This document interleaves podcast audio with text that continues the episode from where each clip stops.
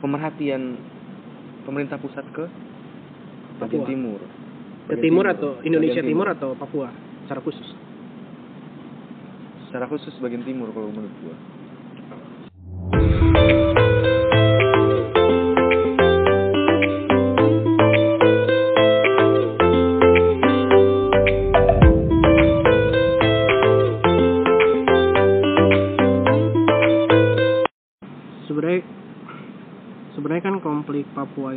Mulanya dari Surabaya kan?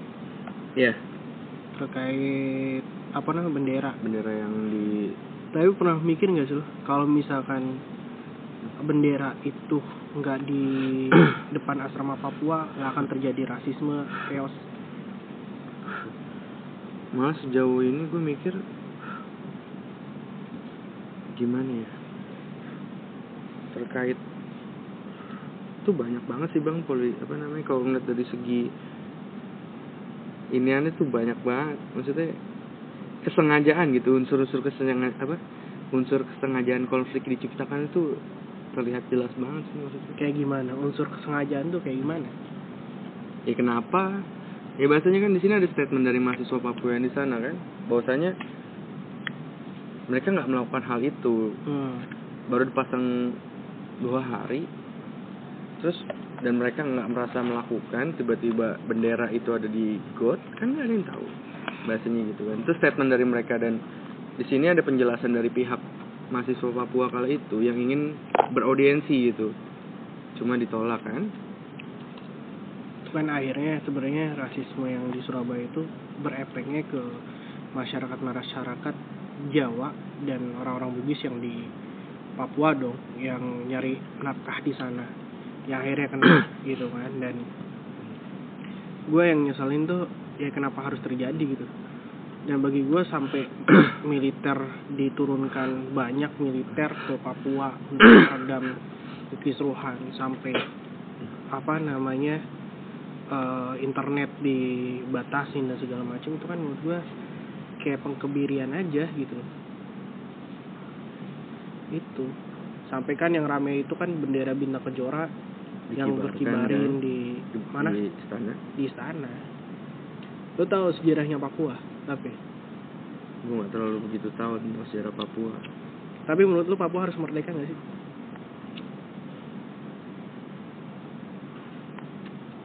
Papua harus merdeka atau enggak? Kalau buat gue dari sisi ini nih ya sisi pribadi ya. Enggak.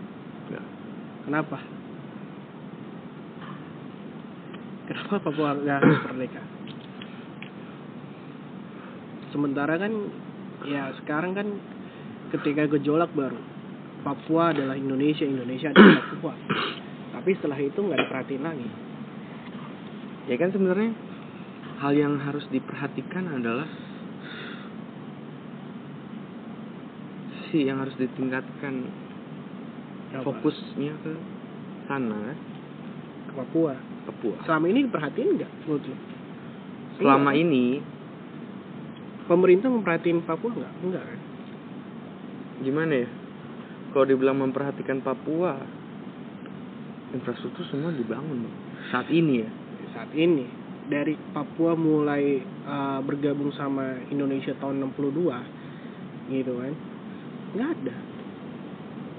Iya kan? Sampai zaman SBY nggak ada zaman ya zaman SBY pun nggak ada zaman ya infrastruktur kan akhirnya juga sekarang-sekarang kan mulai ada Ya. gitu kan. Cuman kan dari tahun 62 Papua dijadiin apa doang? Dijadiin itu doang yang sama-sama kita ketahuin lah. Apa? Lumbung lumbung kekayaan Indonesia. Tapi rakyatnya masih dimiskinkan. Bukan dimiskinkan miskinkan kasar kali bang. Diberdayakan selayaknya Eh, mereka itulah sebagai sama. pribumi ya. iya sama kayak orang Belanda ngejajah orang Indonesia. Ya sama Indonesia ketika berbicara Papua itu seperti itu. Sekarang kan kayak bernasionalisme. Ketika Papua bergejolak baru kan rame. NKRI harga mati. Gitu kan. Eh enggak itu adalah sebuah statement yang berhak diutarakan sama mereka sebenarnya sama siapa? Sama bangsa Papua sendiri ras-ras Papua itu sendiri. Mungkin dari keresahan mereka yang nggak pernah diperhatikan dari pemerintah pusat kan? Iya. Dan maksud gua di sini itu kalau kenapa gue bilang jangan nggak nggak perlu lah merdeka gitu. Yang di sini harus dikoreksi itu adalah pemerintah pusatnya. Alasan lo Papua itu gak boleh merdeka itu apa? Sedangkan nggak diperhatiin lo ya contoh dari ini aja bang. Apa? Timur Leste aja lah. lah Sejauh apa Leste- mereka? Loh gini loh. Kalau gua ngeruntutin sejarahnya Papua itu masuk ke Indonesia tahun 62 Mm-mm. 45 itu kan eh, Soekarno di rapat BPUPKI sama Yamin ini berdebat sama siapa? Hatta. Hatta sebenarnya nggak mau menolak Papua. Itu karena berbeda ras berbeda rukun lah bahasanya. Papua ini Melanesia Mm-mm. yang pertama gitu kan. Terus yang kedua ini ya takutnya si Hatta ini bahwa Indonesia akan jadi negara imperialis. Sedangkan eh, si Soekarno ini pengennya ya Papua itu masuk. Karena itu adalah wilayah jajahan Belanda. Jadi dia ngambil referensinya adalah perjanjian Kalijati. Mm. perjanjian antara Belanda sama Jepang yang menyerahkan semua jajahannya ke Jepang eh, semua wilayah Belanda gitu kan. Waktu itu kan sebenarnya sempat uh, Jepang menjanjikan yang namanya kemerdekaan ke Indonesia. Asal Indonesia pada saat itu ngebantu Jepang di perang Pasifik gitu kan. Pada akhirnya kan nggak jadi tahun 1944 kalau gua nggak salah gitu ya. Tahun 45 itu rapat BPUPKI dan nggak ada orang-orang Papua dalam uh, sejarah perjuangan bangsa Indonesia itu nggak ada orang-orang Papua. Itu tetap dipaksakan ya akhirnya voting tuh BPUPKI tahun 1945 itu voting. Akhirnya menang lah Papua akan dimasukkan ke NKRI gitu kan?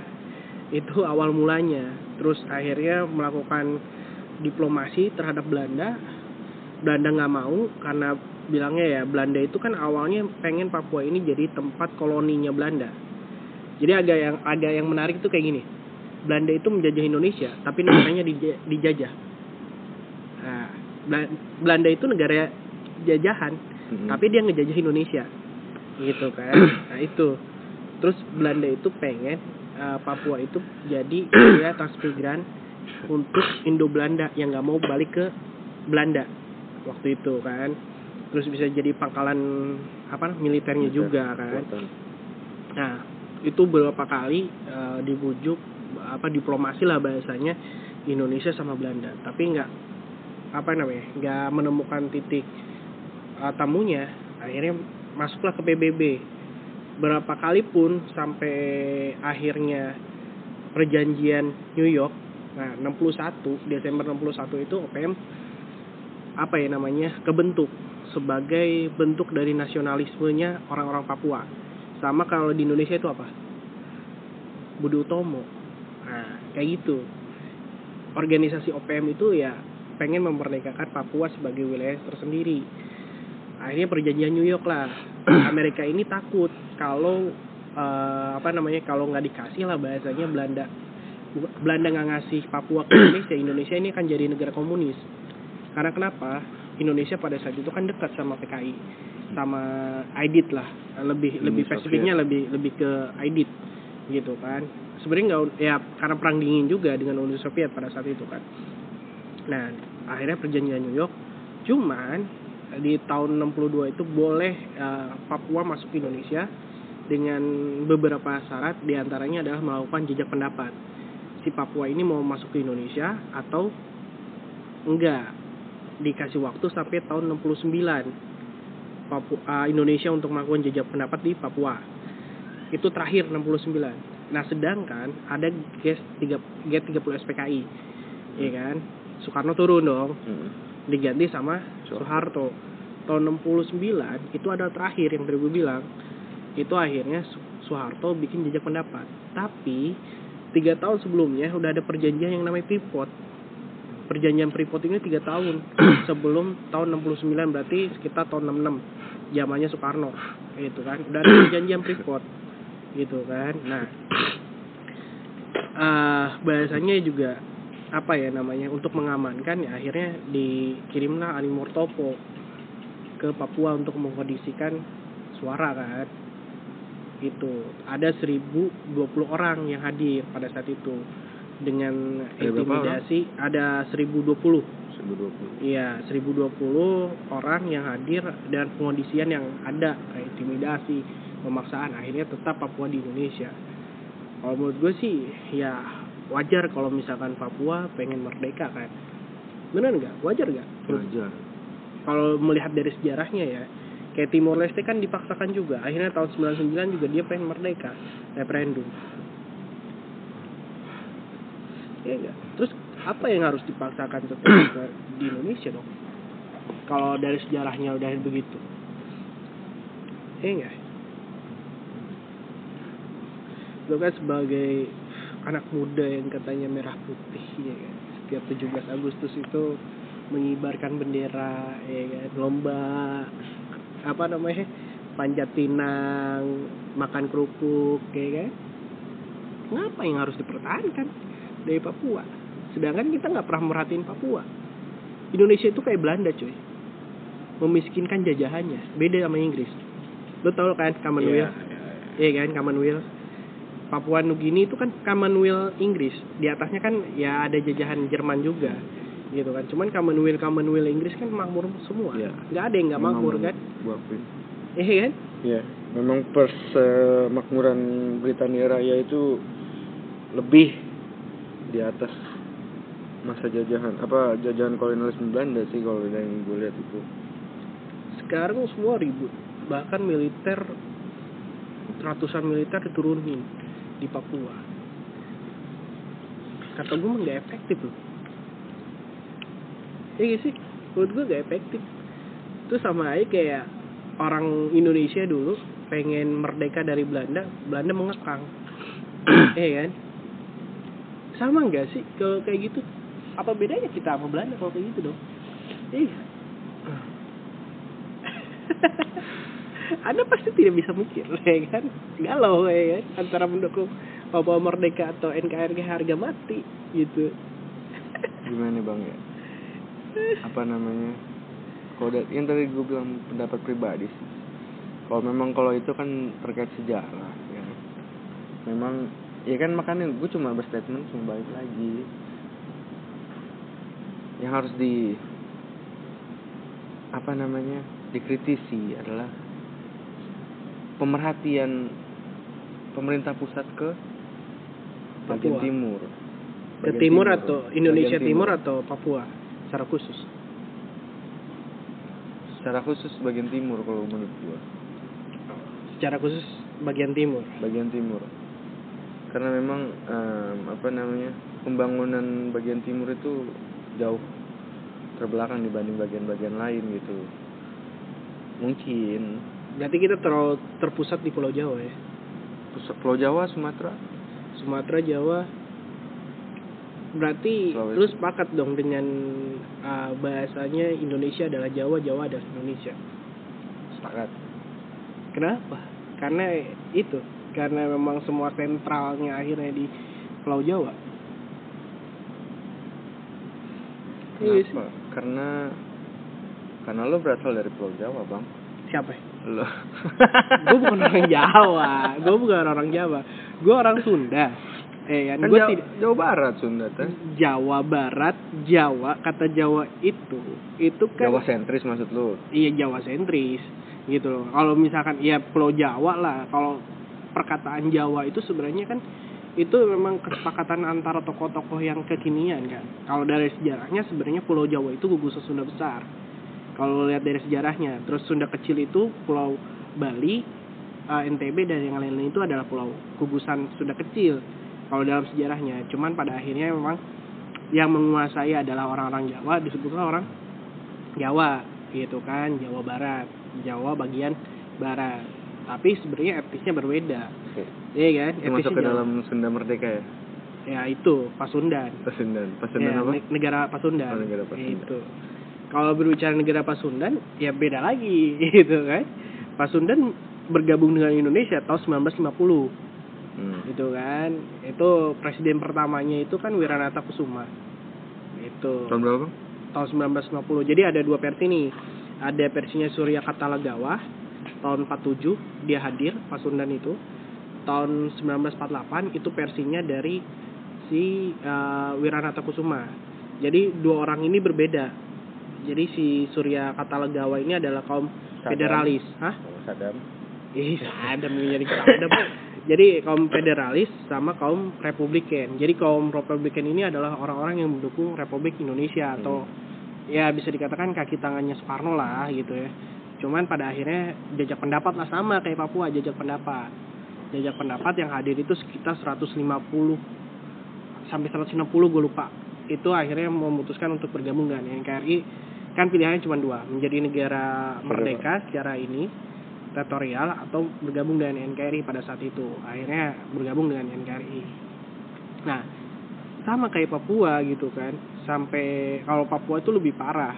Kalau yang tadi gue bilang kan pe- apa namanya? pembangunan atau pertumbuhan ekonomi, sentral ekonomi, infrastruktur semuanya ada di Pulau Jawa. Ini kita berbicara Jawa versinya Soekarno gitu kan di Pulau Jawa itu. Sedangkan ya gue sepakat bahwa di Indonesia Timur nggak diperhatiin gitu kan. Wajar kalau misalkan terjadi ada yang ya namanya separatis gitu kan. Dan menurut gue apa yang namanya dengan kejadian ini agak lebay sih apa pemerintah terhadap menanggapi. Bukan agak lebay sih ya. Ya bisa dibilang sampai personil diturunkan pengamanan dan segala macem gitu kan. Internet dimatikan bukan dimatikan atau diperlambat lah bahasanya. Itu gue ngelihatnya ya Indonesia sama Belanda ya akhirnya sama. Gitu kan jauh beda 11 12 kalau ada peribahasa buah nggak apa namanya buah itu nggak akan jatuh jauh dari pohonnya yaitu Indonesia sama Belanda. Ya kan kayak sepak bola deh paling gampang. Ya kan? Belanda itu pasti selalu hampir juara. Eh kan? Indonesia juga hampir juara tapi nggak juara juara juaranya runner up gitu kan? Iya kan? Dari hal-hal kecil lah. Itu mungkin cocokologi gitu kan? Cuman kan benar gak sih? Iya. ya sama gitu kan? Buah nggak akan jatuh dari pohonnya. Buah itu nggak akan jauh. Iya jauh apa Gitu. jatuh? Ya, Iya, sama. eh, jauh lah sama lah kayak gitu. Ya Indonesia gue ngeliat ya akhirnya begitu.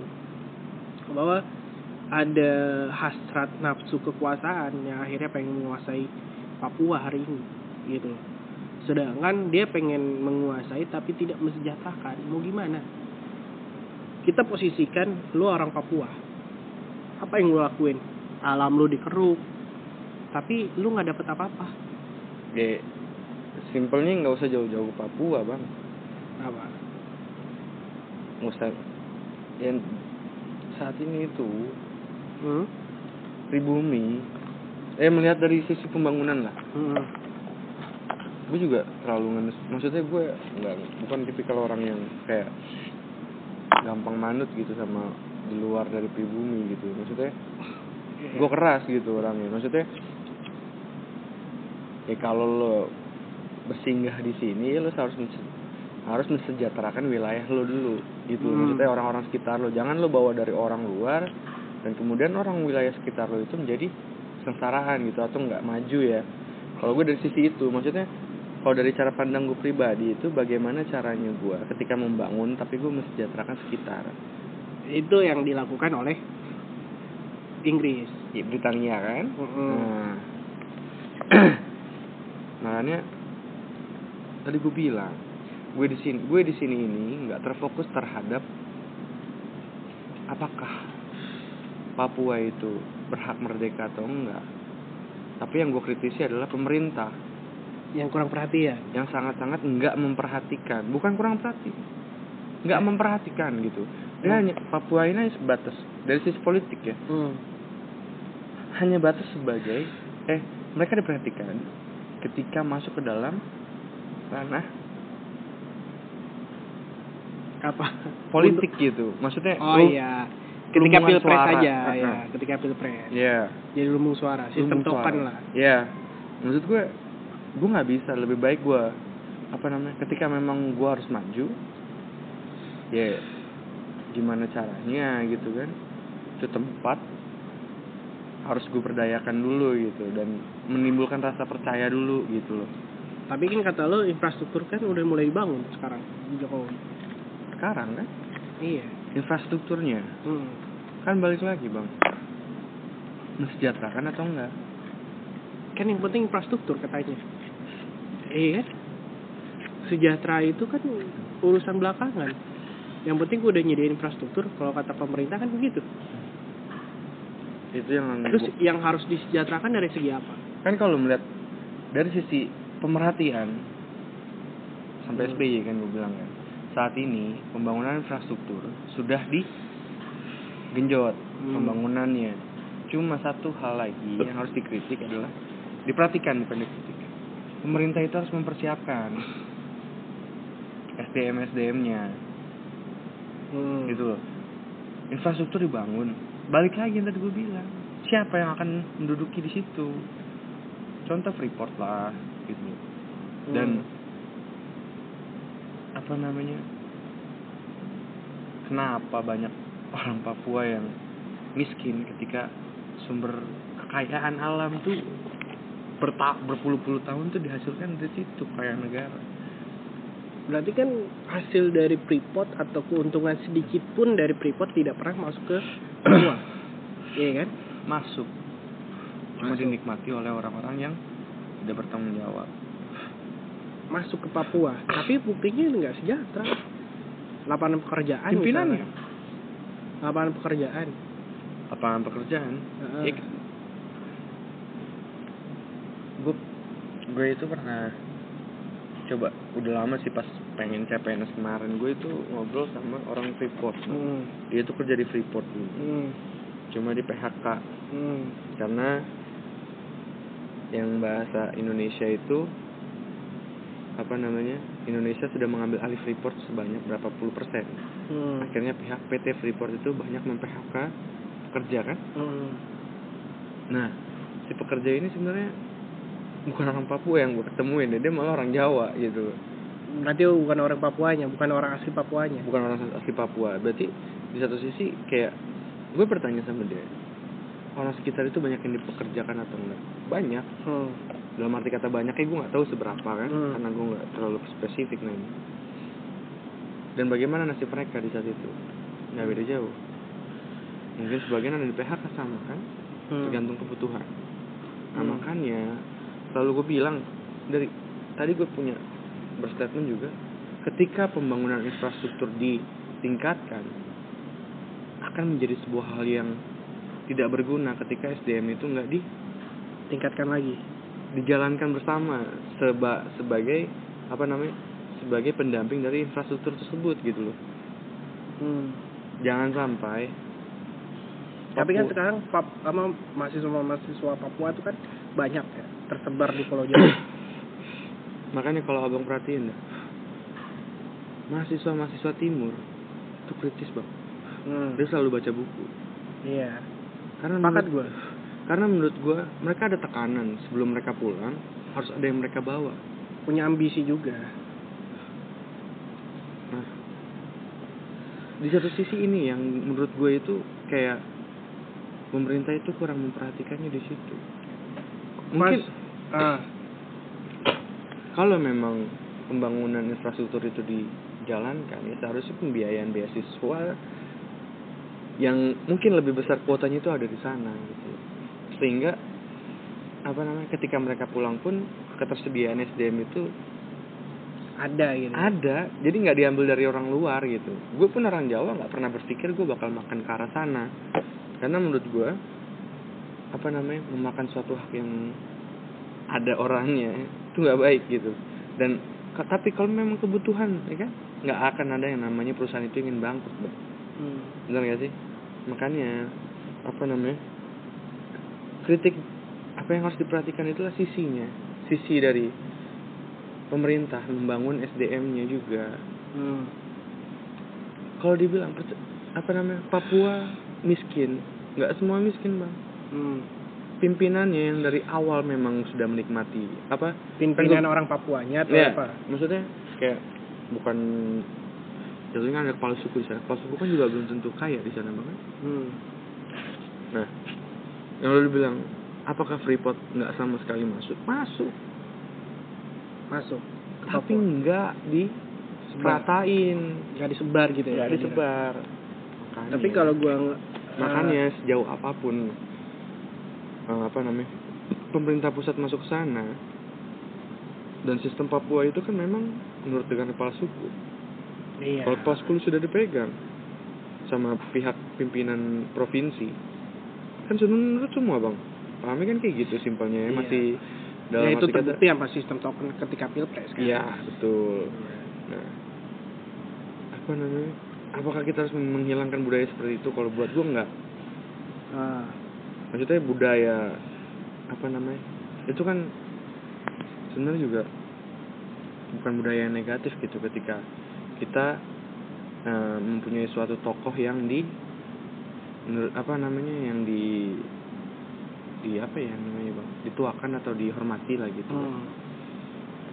tapi kalau gua dari statement lo yang tadi bahwa mahasiswa-mahasiswa Papua yang sekarang itu kan kritis-kritis karena memang ya dia melihat keadaan Papua Keadaan. pada saat ini Iya. gitu kan ya itu kayak semacam gue menarik ke sejarahnya itu kayak zaman dulu kayak Soekarno Hatta dan tokoh-tokoh intelektual Indonesia pada saat itu pun mempunyai giroh yang sama untuk membebaskan Indonesia dari penjajahan yang selama berpuluh-puluh tahun.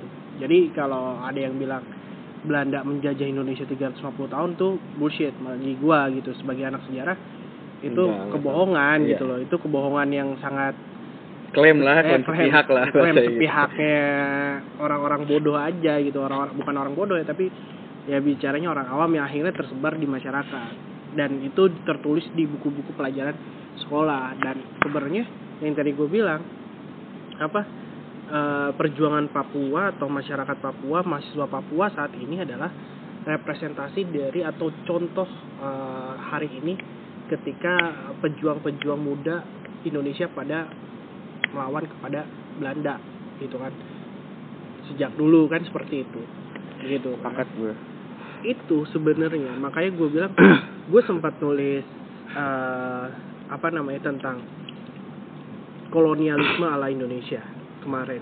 Itu gue sempat gue tulis di Kureta di platform Kureta itu tapi ditolak. Se be- berapa kali ya? Tiga kali gue ditolak. Gue kirim ditolak gue revisi lagi eh, tulisannya gue ditolak dan segala macam akhirnya gue masukin ke fokus utama kan gue masukin ke fokus utama gitu kan akhirnya diupload dan segala macam menurut gue ya perjuangan Papua hari ini nggak jauh beda sepakat dong perjuangan Papua hari ini nggak jauh beda dengan perjuangan bangsa Indonesia pada saat penjajahan Belanda pemuda Indonesia pada ya pemuda. Indonesia pada uh, masa penjajahan Iya. Belanda gitu kan. Cuman pada akhirnya sekarang memperlihatkan bahwa Indonesia tidak mampu untuk mengurus Papua. Itu dulu kan kita ngambil Timor Leste, tapi akhirnya memang mereka juga di, gak diurus gitu kan. Terus juga Papua sama bahkan uh, gerakan separatis semacam RMS, RMS terus apa namanya gerakan Aceh Merdeka dan segala macam itu kan mereka juga kurang perhatian karena mereka dalam sejarahnya itu kan bergabung dengan Indonesia setelah Indonesia merdeka. Atau kalau GAM itu atau Aceh itu setahu gua adalah wilayah yang paling support terhadap eh, Indonesia pada saat itu. Cuman memang wilayahnya berbeda kan kayak kayak gitu. Nah kalau gua ngelihat bahwa yang tadi sepakat gua eh, SDM di Papua itu kurang kurang diperdayakan. Jangankan di Papua kita berbicara Papua deh berbicara di wilayah Indonesia keseluruhan. Kayak misalkan rektor asing itu kan. Gue bingung tuh dengan uh, pencanangan Jokowi dengan rektor asing itu seperti apa. Mungkin untuk menambah kualitas atau S- apa namanya meningkatkan SDM atau apa gue nggak tahu. Pada kenyataannya SDM SDM yang ada di Indonesia ini uh, di luar dari Papua ya keseluruhan Indonesia lah berbicaranya NKRI itu juga nggak diperhatikan atau nggak digunakan lu pernah eh, apa namanya baca atau dengar gak atau lihat gak tentang jaket dan helm anti kanker? Pernah gak lu? Belum pernah kan lu? Itu pernah ada orang Indonesia menciptakan jaket dan helm anti kanker dan itu diketawain cuy. Dan akhirnya itu diserahkan ke Jepang. Belilah hak ciptanya sama Jepang. Itu helm sama uh, jaket anti kanker. Gitu kan. Itu kan bentuk dari ketidakseriusan pemerintah dalam membangun SDM membangun Indonesia yang katanya mau maju secara perekonomian gitu ya. Tahun 2000 berapa? 2020 Ah, enggak 2000 ah 2045 2045 gitu kan. Tapi kenyataannya ya masih ya kayak gini-gini aja gitu loh. Masih kayak misalkan beras masih impor garam masih impor garam itu sebenarnya kan kita nggak kaya akan garam kan di Madura misalkan itu banyak garam yang seharusnya bisa dijual uh, pemerintah untuk disebarluaskan ke seluruh Indonesia. Tapi akhirnya impor juga beras juga impor. Apalagi tuh banyak banget yang impor gitu kan. Ya akhirnya kita juga memperlihatkan apa ya eh, semacam ketidakpercayaan diri terhadap produk sendiri gitu. Iya. itu memang. permasalahannya kan dari kemarin tuh oh cintailah produk Indonesia tai kucing menurut gua gitu loh itu cuma semacam slogan doang ya akhirnya produk Indonesia Bullshit, buat di gitu. Indonesia doang. Tapi Iya. bukan ciptaan mereka. ya akhirnya ya mau gimana ekonomi kita mau baik gitu loh itu masalahnya ada ketidakpercayaan pemerintah terhadap SDM lokalnya sendiri loh itu yang jelek gitu kan. Nah kayak Papua juga harusnya kan Freeport itu juga dibangun oleh orang-orang Papua gitu. Loh harusnya orang-orang yang dipekerjakan adalah orang-orang Papua. Lepas dari bahwa orang Papua itu dianggap seperti apa gitu kan. Cuman kan itu adalah wilayahnya. Menurut gue itu ya harus yang dimakmurkan secara merata gitu kan. Ya akhirnya Tapi gue ngeliat gue mengkritisi ketika lo bilang secara merata itu akan menimbulkan sisi kemalasan, malasan gimana kemalasan lah. Kalau mereka tidak apa yang tadi bilang, maksud makanya di sini gue selalu bilang SDM-nya itu harus ditingkatkan gitu. Ya, dalam arti kata pendidikan itu pendidikan ya Hmm. pendidikan bagi warga masyarakat Papua itu sangat penting saat ini tuh iya bukan saat ini memang dari dulu tapi memang kita nggak bicara nggak bisa bicara tentang dulu dong benar nggak Hmm. bagaimana kita mengkritisi bahwasanya pemerintah saat ini harus lebih baik dengan banyak guru yang ada tersedia ya kan? Ya guru juga nggak diperhatiin kok. Nah makanya dalam arti dalam dalam arti kata gini apa namanya? Ya dengan bukan dengan rektor asing gitu banyak kok yang berkompatibel itu kan? Nah makanya eh, apa namanya SD mereka itu harus ditingkatkan biar lebih apa namanya tercipta daya saing gitu. Bukan daya saing antar pribumi bukan ya tapi dengan SDM SDM luar. Sehingga perusahaan itu lebih mempercayai dan meminimalisir kemalasan. Kalau mereka selalu dikasih makan tanpa ada namanya harus berpikir dan lebih keras gitu mereka nggak akan bang yang namanya menjadi individu atau apa namanya seseorang yang lebih meningkat dari sebelumnya.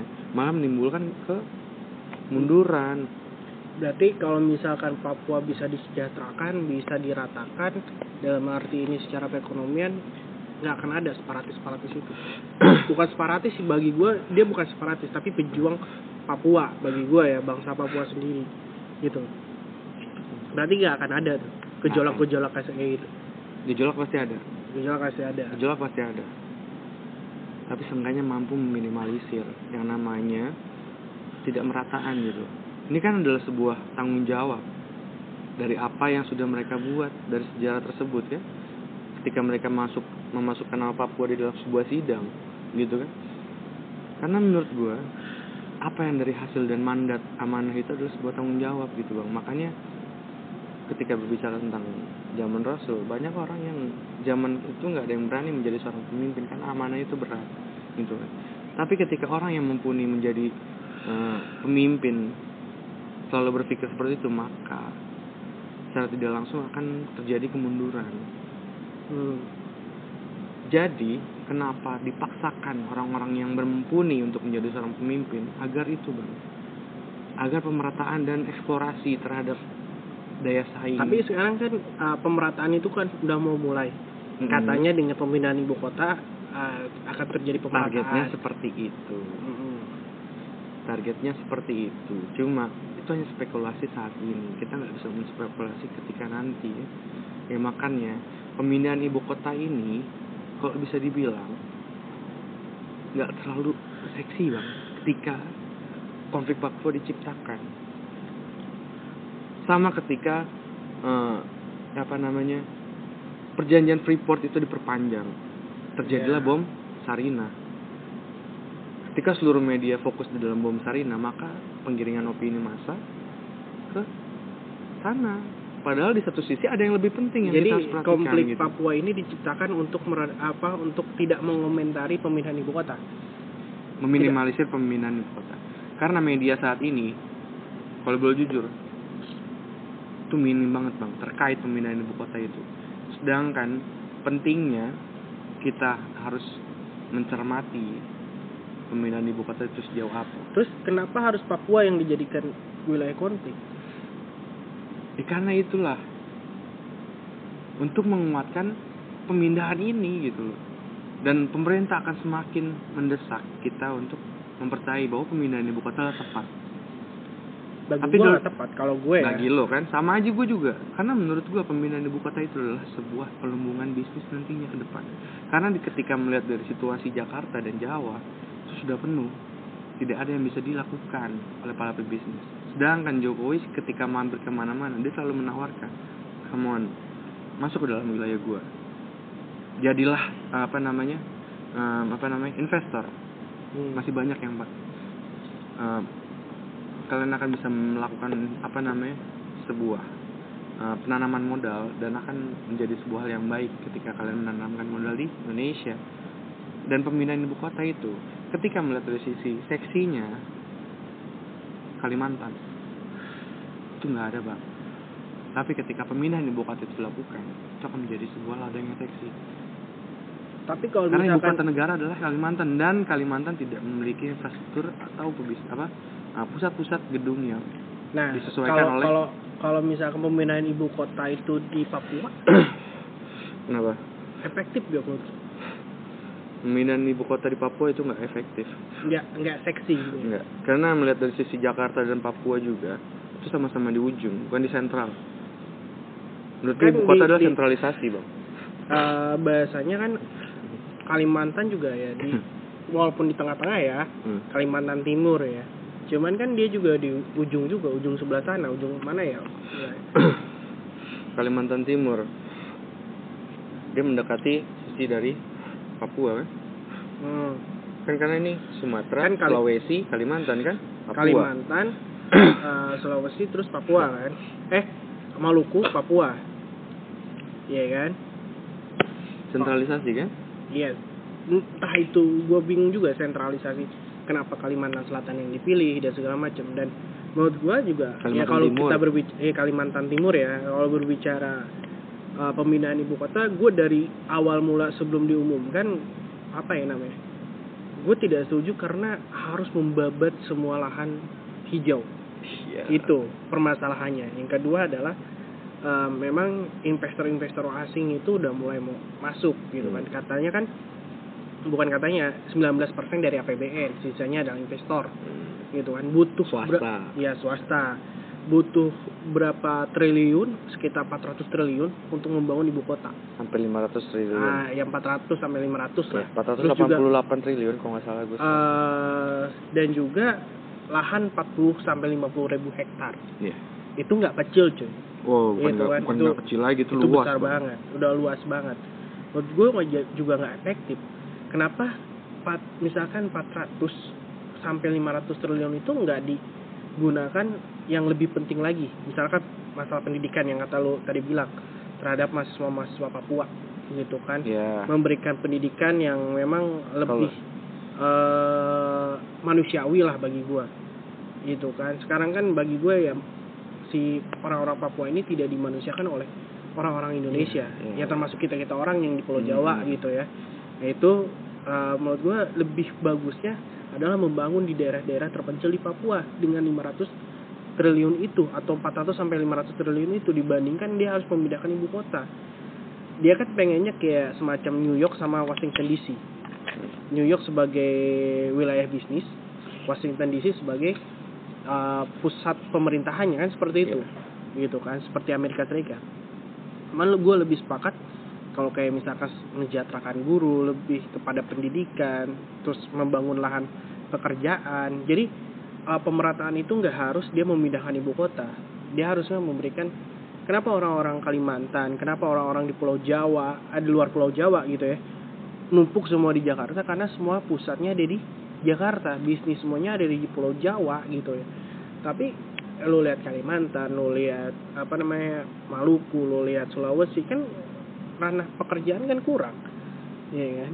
Jadi nggak nggak terbagi. Mungkin kesalahan sejarah juga sebenarnya. Semuanya terpusat di Pulau Jawa gitu kan. Hmm. Nah kalau gue sih kalau secara pribadi gue sepakat dengan Papua Merdeka. Dibandingkan dia harus sakit hati terus-terusan gitu kan. Di luar ini adalah kata lu uh, settingan atau misalkan emang disengaja atau apa pun dan ada keresahan orang-orang kalau misalkan Papua itu merdeka nanti diambil oleh asing apa jauhnya dengan kita? Indonesia yang dikuasai asing juga. Ketika kan kalau di dalam undang-undang kan apa? Alinea pertama. Gitu kan? Memberikan kebebasan apa? Bukan memberikan kebebasan alinea pertama itu adalah e, kemerdekaan untuk semua bangsa. Dan penjajahan harus segera dihapuskan. Ya, gitu kan? Harus dihapuskan. Iya kan? Kebebasan apa? Kemerdekaan untuk seluruh bangsa. Itu bertolak belakang dengan perlakuan pemerintah Indonesia terhadap Papua sendiri gitu loh. Nah. tidak membebaskan. Menurut gue ya kalaupun memang mau fair mau mau adil gitu ya itu melakukan jejak pendapat. Papua mau merdeka atau tetap di NKRI gue lebih sepakat itu. Itu mau terlepas dan di Papua diambil oleh asing atau dikuasai asing kayak semacam Timur Leste dan segala macam itu nggak jadi masalah. Itu bukan lagi ranah kita sebagai orang Indonesia yang katanya orang Indonesia itu adalah orang yang santun sopan santun dan segala macam gitu kan. Orang yang yang dulunya dijajah dan sekarang bisa berjuang secara heroik akhirnya menjadi negara yang besar kepulauan yang besar gitu kan. Dengan keberagaman gitu. Menurut gue itu harus bebas Papua itu.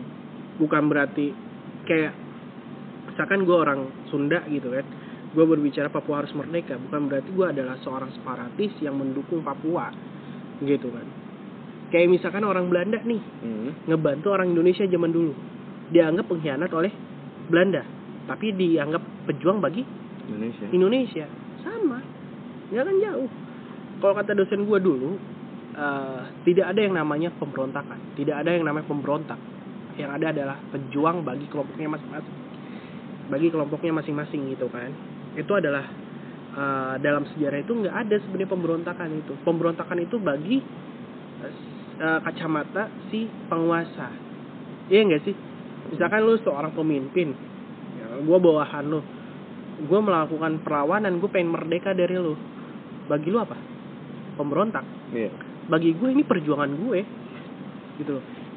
Makanya gue kadang sering bukan ya bukan sering kali tapi terkadang gue tidak sepakat dengan bahasa pemberontakan G30 SPKI tapi bagi gue itu adalah perjuangan bagi orang-orang PKI gitu loh. Ketika melakukan pembantaian terhadap tujuh jenderal atau sebaliknya Soeharto juga ngebantai eh, jutaan orang PKI dan segala macem ya itu punya persepsi masing-masing kan. Kayak orang Papua ini kan ya banyak lah istilahnya kejadian-kejadian gue yang dari zaman tahun kapan gitu kan. Gue pernah ngeliat video orang TNI itu mukulin orang Papua karena dianggap OPM iya karena dianggap OPM dihajar disiksa dan segala macam dianggap parasis ya nggak? Jauh beda dengan orang Belanda dulu tentara Belanda terhadap pejuang-pejuang Indonesia. Nggak jauh beda dong pelakuan kita yang tadi gue bilang gitu kan. Buah tidak jauh dari pohonnya jatuh dari pohonnya gitu. Apakah kita mau jadi seperti itu juga gitu kan? Akan terus seperti itu? Enggak kan? Itu permasalahannya bagi gua.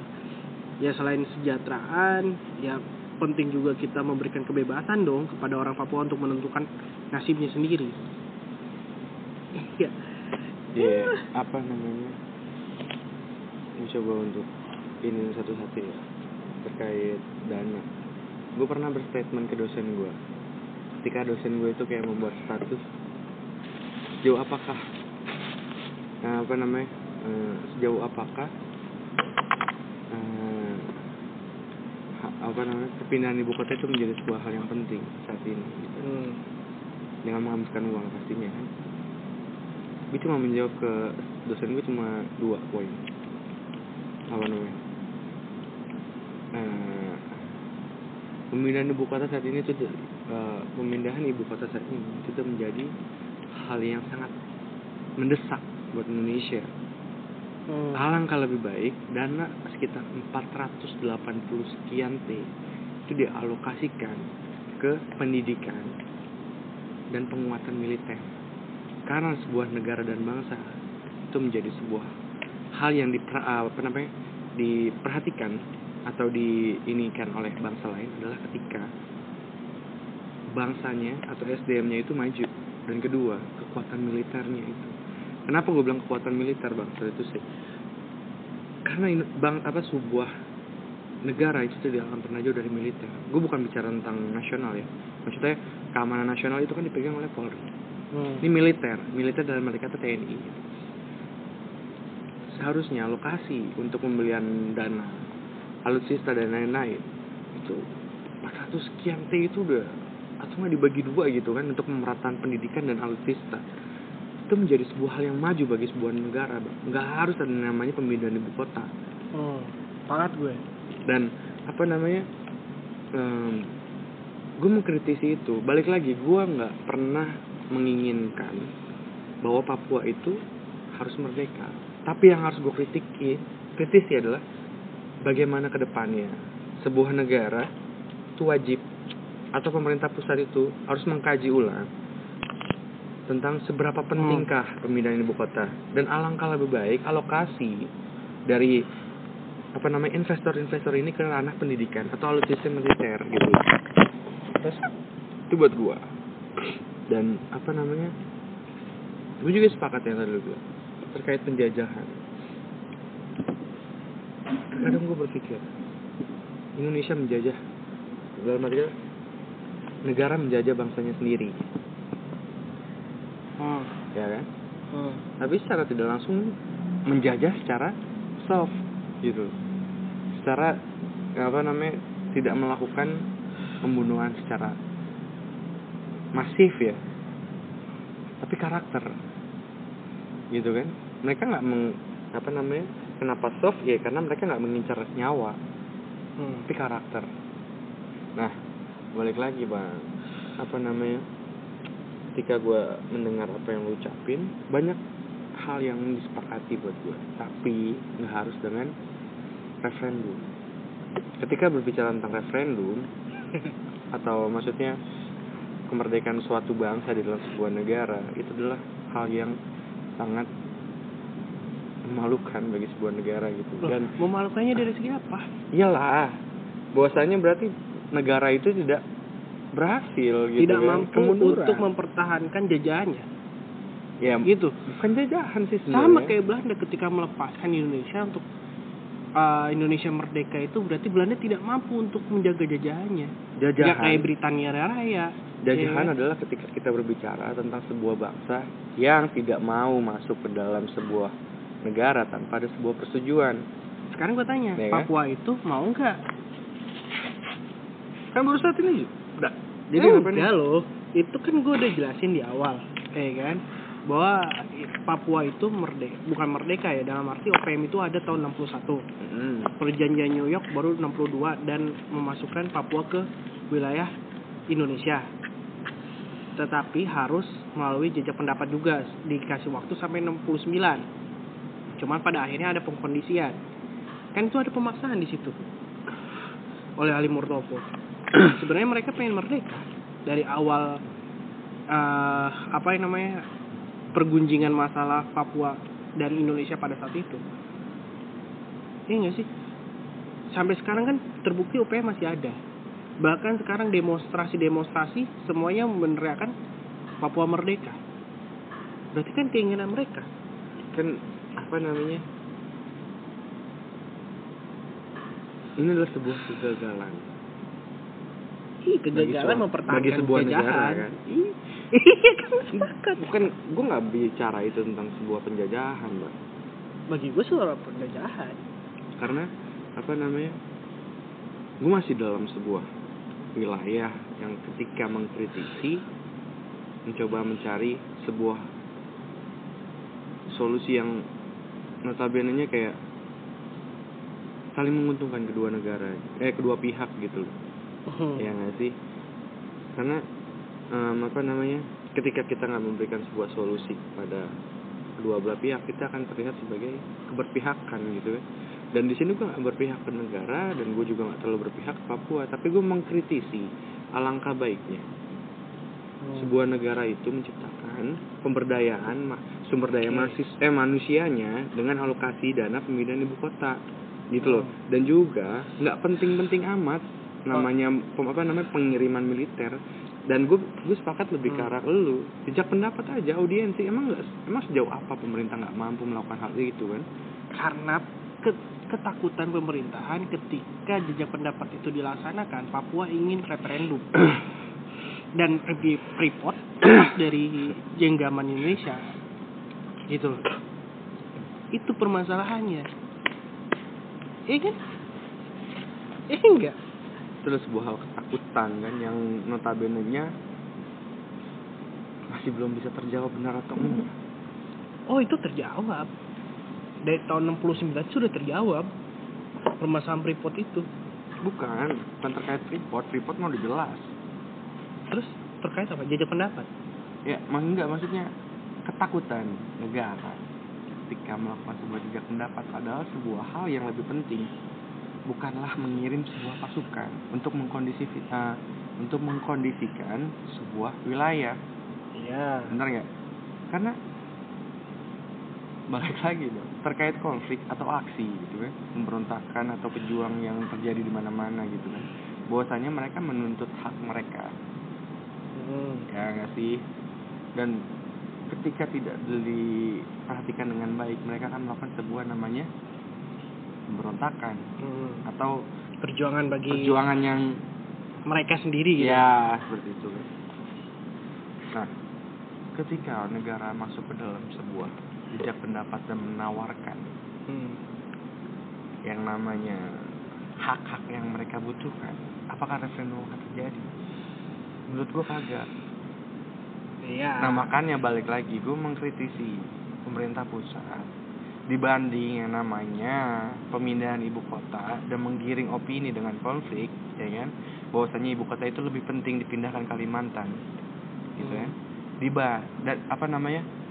Lebih baik dana alokasi yang diperkirakan mencapai 480 atau 500 t itu di kalau kasihkan ke situ. podcastkan ke Tapi kan sekarang permasalahannya pendidikan yang menghasilkan SDM konflik sudah Papua. terjadi. Konflik sudah Hmm. terjadi. Papua pengen merdeka. Ya kan? Oke, misalkan uh, Indonesia atau pemerintah berani untuk melakukan jejak pendapat. Terus tiba-tiba hasilnya adalah referendum. Kira-kira pemerintah mau nerima nggak? Menurut lo? ya nggak akan lah Kenapa? Orang semua masyarakat Papua pengennya referendum? Nggak bisa mengklaim semua masyarakat Papua bang. Gue berani. karena Gue berani. masih banyak orang Papua yang hadir di televisi yang bilang Iya, itu kan untuk uh, bahasanya orang-orang Papua yang hadir di televisi juga itu kan untuk mewakili atau keterwakilan Papua oleh pemerintah. Ah. Kan? Kayak misalkan jubir wilayah apa bukan juru bicara staf ahli wilayah Papua misalkan yang kemarin hadir terus Lukas NMB dan segala macam. Pada dasarnya mereka mau merdeka. Seperti itu. Gitu. Itu yang harusnya dipikirkan oleh Indonesia hari ini, oleh pemerintahan. ya Iya. balik ya Apanya? yang harus difikirkan kan Ini harus dipikirkan gitu kan. Kalaupun memang Papua ingin merdeka, ya kenapa harus tetap dipertahankan? Kalau bahasa gue ya kayak du, apa duri dalam daging. Bukan berarti Papua itu adalah suatu yang kesalahan, tapi Papua bagi gue adalah suatu alam yang kaya tapi miskin. nah sekarang pembangunan sedang dilakukan. Ya nggak? Iya. ya kan pembangunan sedang dilakukan. Apa yang kurang? Peningkatan sumber daya masih eh, manusianya. Iya, manusia. Nah apa namanya? Ketika alokasi misalnya ya sekian T. Dialokasikan ke Papua. Hmm. berpikir ulang gak sih mereka? Dan kinerja yang diberikan dari mungkin sebuah- kalau bagi orang-orang yang tadi lu bilang petinggi-petingginya berpikir. Tapi kan orang-orang masyarakat awam yang pe- udah capek hati gitu ya dia pengen tetap merdeka. Tetap merdeka. Jadi ada satu gue pernah dapat cerita. Ini ya, teman gue juga anak sejarah. Dia itu kan ikut apa sih semacam pengajaran di wilayah tertinggal. Mm-mm. itu ada fak-fak kan ada dua. Ada fak-fak muslim ada fak-fak non muslim gitu kan. Nah dia ini itu tinggal di fak-fak non. Ketika mau sholat jumat dia harus nyebrang ke wilayah Muslim. muslimnya. Di sana dia sempat uh, ngobrol dan segala macem. Dia bilang saya sepakat dengan Papua Merdeka asal tidak berasaskan agama ngerti nggak maksudnya Mm-mm. tidak berasaskan agama dan segala macam. Yang akhirnya itu memperlihatkan bahwa sebenarnya secara keseluruhan masyarakat Papua itu menginginkan untuk terbebas dari wilayah Indonesia. Itu hal paling simpel menurut gua, contoh paling simpel lah gitu kan. Iya enggak? Kalau misalkan memang kenapa nggak dari dulu kalau memang uh, pemerintah menganggap Papua ada wilayah Indonesia. Kenapa nggak dari dulu itu dibangun? Itu kan belajar untuk membangun sebuah wilayah yang memang jauh dari pusat pemerintahan. Gitu kan. Tadi lu bilang juga kan Indonesia Timur keseluruhan juga seperti itu. Iya makanya Tidak diperhatikan. sebenarnya meninjau negara Indonesia ini tidak layak atau tidak belum siap untuk menggunakan asas demokrasi Bang. Terus harus pakai asas apa? Hah? Asas apa? Khalifah, khilafah. eh kagak maksudnya apa namanya gimana ya kalau ngeliat dari satu sisi ituan ya Em, Bingung kan? Asas apa yang harus digunakan oleh Indonesia selain demokrasi? Atau ketidaksiapan dalam Indonesia masalah hal demokrasi? Gitu kan. Sementara kita aja nggak rela dengan Papua yang ingin merdeka. Kayak semacam memaksakan Papua tetap di wilayah NKRI ya gitu. Itu permasalahannya. Permasalahan bukan suatu hal yang menjadi solusi yang mau. Bahwasanya kayak sekarang menurut gue solusi ter- terkait Papua ini kayak gimana dong selain SDM oke pembangunan SDM sudah akan dimulai atau misalnya infrastruktur akan dimulai. Tapi ternyata Papua tetap ingin merdeka. Gimana? Kalau misalkan itu sudah sudah sudah terlaksana atau sedang terlaksana gitu ya tetapi masyarakat Papua itu pengen merdeka. Balik lagi bang. Sebuah hal yang dipaksakan hmm. itu di alam berakhir baik. Ya, tapi tan eh belum ada perjuangan bang Dih, perjuangan ada. dari pemerintah pusat untuk memperbaiki kesalahannya Iya. atau kemundurannya gitu kan atau Iya. kehilafannya cuma saat ini saat ini kan kita bicara saat ini apakah pentingnya Papua untuk merdeka saat ini buat gue belum karena gue melihat dari satu sisi dan mengkritisi pemerintah pusat untuk Kenapa belum? Belum saatnya. Gue tanya. Sedangkan apa namanya masyarakat Papua udah siap. apa Pem- apa masyarakat Papua sendiri udah siap. siap dalam arti mana Merdeka.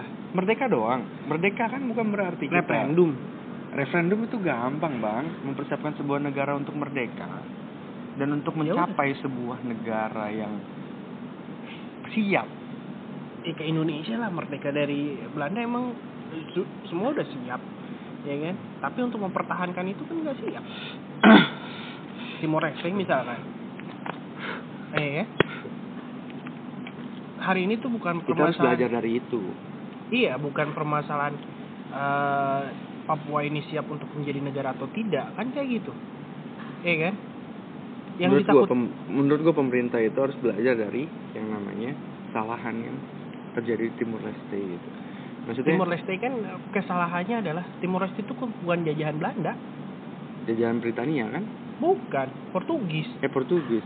Iya, kenapa dia dimasukkan? Indonesia kan dulu juga Portugis. Cuma nggak terlalu lama Portugis itu masuk sini. Kan tadi gue bilang di awal, perjanjian awal adalah wilayah Belanda. Yang menjadi klaimnya si Soekarno ini, Bapak Karno ini adalah yaitu kan semua wilayah jajahan Belanda itu harus masuk menjadi NKRI. Tetapi Hatta menginginkannya Hindia Belanda. Itu kan di luar Papua. Karena Papua itu dulunya namanya Nugini Belanda kalau nggak salah. Setahu gue itu namanya Nugini Belanda. Itu kan sama kayak Timor Leste. Timor Leste itu adalah wilayah Portugis. Udah lama Portugis. Indonesia pernah memang sempat sebentar dijajah oleh Portugis. Cuma kan kayak gitu. Itu kan. Iya. Oh, menurut gue sih. Apa namanya? Ya mereka selalu bicara tentang orang Papua yang selalu bicara tentang ketidakadilan Adilan pemerintah. pemerintah pusat ke mereka. Ah, Kami dikeruk tapi kami tidak merasakan Iya. kesejahteraan. Ya kan? itu kan alasannya mereka. dan alasan, alasan lain bahwa sebenarnya kita dari awal itu nggak mau bergabung dengan NKRI itu itu kan alasan-alasannya mereka ya kan sama ketika Indonesia pengen lepas dari Belanda. Alasannya sama kok. Nggak jauh. Coba kalau Belanda kema- eh, dulu itu kan bisa apa namanya menjaterakan Indonesia. Semacam Britania Raya menjaterakan Commonwealth-nya. Mau nggak Indonesia lepas dari Belanda? Enggak. enggak kan? Ya udah. Sama berarti. Tapi kan kita ini sebagai bangsa Indonesia bang, yang berhak gitu loh, memperjuangkan sama saudara kita untuk mendapatkan hal yang layak sama kayak kita gitu kan. Ya, Bukan mereka- bukan berarti dengan melepas mereka kita lepas tanggung jawab juga. loh Ya itu mele- bukan melepaskan tanggung jawab gitu kan. Kita bukan melepaskan tanggung jawab. Justru mereka harus bertanggung jawab terhadap diri mereka sendiri. Kalau mereka harus merdeka kan gitu. Mereka harus memutuskan apa keinginan mereka itu seperti apa. Ya tadi lu sepakati kan jajak pendapat harus ada keberanian pemerintah untuk melakukan jajak pendapat. Nah masalahnya pemerintah nggak berani. Gitu loh. Nggak berani untuk itu. Mau gimana? Gitu kan. Dan kalau misalkan jajak pendapat itu dilakukan yang diserang siapa? Pemerintah. Karena dianggap tidak mampu untuk mempertahankan Papua. Eh ya? Tapi serangannya seperti itu. Itu nggak akan jauh beda. Gitu kan kembali ke yang tadi gue bilang kegagalan. Kegagalan Timur Leste itu harus di apa namanya diedukasi gitu. Harus jadi bahan yang diperhatikan gitu. Makanya tadi gue bilang ibu kota pemindahan ibu kota itu bukan menjadi hal yang penting gitu. Iya nah, hal yang lebih baik itu. saat ini dibanding pemindahan ibu kota pemerintah itu fokus terhadap pembangunan. Pembangunan cuma nggak cuma infrastruktur nggak cuma bagi-bagi sertifikat karena suatu saat sertifikat yang dibagikan itu bisa menjadi alih. Gitu Ya. kan? Dan apa namanya? Ya udah. Gue lebih sepakat. Tidak saat ini pemindahan ibu kota gitu.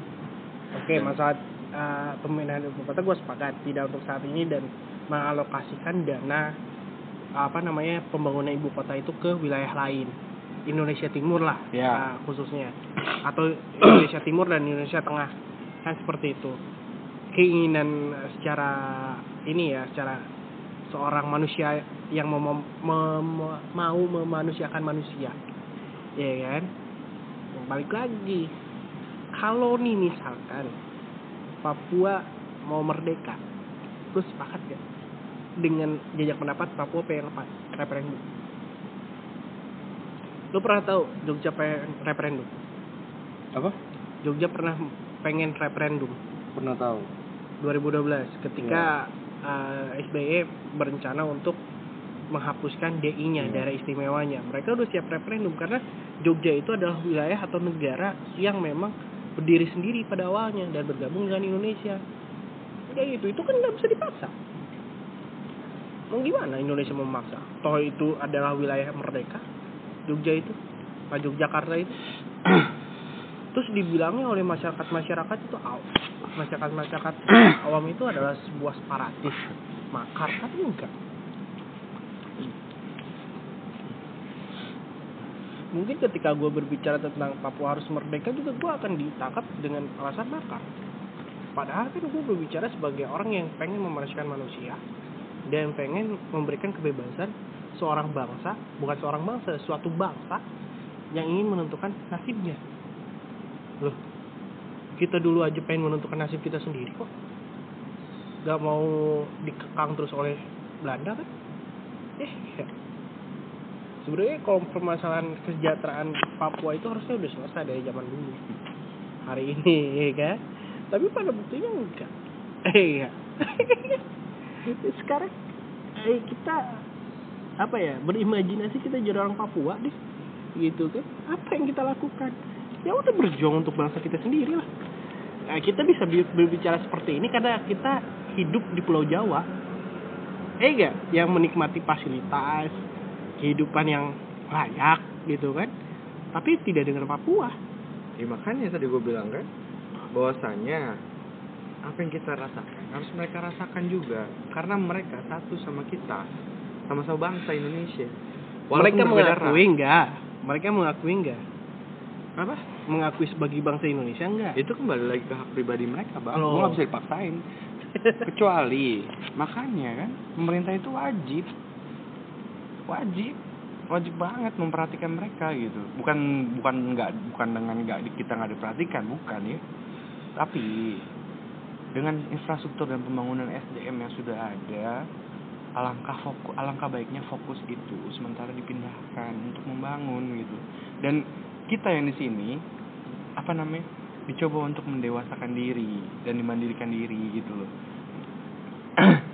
Kenapa? Terus kalau kita merasa eh, Papua adalah saudara kita Hmm. ya kenapa tindakan rasis itu masih ada di segelintir orang?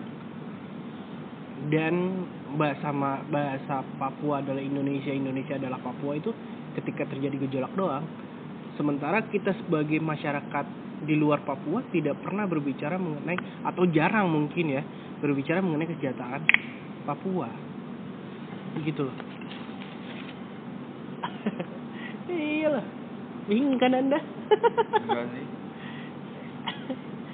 Ya gitu. Ya nggak pernah selesai bang. Ketika kita hanya sebatas berdiskusi berkaji tanpa diberikan sebuah kesempatan untuk beraksi gitu. aksi lu ada satu menulis. Berani nggak lo menulis untuk mengkritisi Papua untuk mengkritisi Indonesia yang tidak eh, memperhatikan Papua? Gitu kan dengan analisis analisis lo berani gue. Karena kenapa? Karena bagi gua tulisan itu efektif setidaknya gitu kan. Tadi Untuk yang gua bilang- mengubah tadi gue Gua sempat berpikir. tadi gue sempat berpikir tentang ingin melanjutkan tulisan lo gitu bang. Yang mau bilang kolonial Indonesia. Eh apa? Kolonialisme ala Indonesia. Ya gue sepakat. Karena memang gue tuh dari semenjak ya bukan semenjak.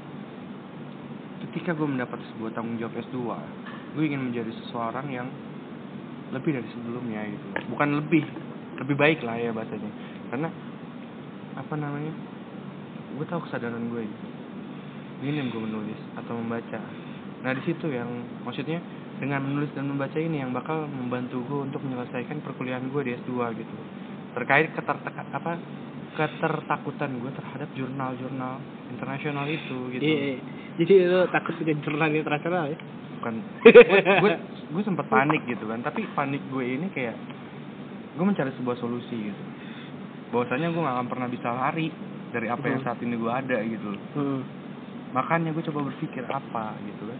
Dan ketika apa namanya gue mendapatkan sebuah tantangan untuk berbisnis gue nggak terlalu apa namanya nggak terlalu ini banget apa namanya tertarik. tertarik. Tapi karena buat gue ini apa namanya bisnis pasti menolong gue gue nggak bohong. Hmm.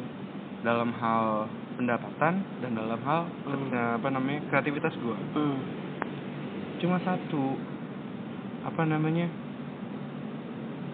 eh, ketika bisnis itu harus fokus yang dengan fokus yang benar-benar Ya, Nggak bisa terbagi lah. gitu loh, Iya, Bang. telaten. Ah, di satu sisi gue juga nggak pengen yang namanya ingin mengecewakan pertama itu dan gue belum tahu ranah di apa namanya gue kan bisnis di Apa? bisnis. gue bisnis tahu. Iya.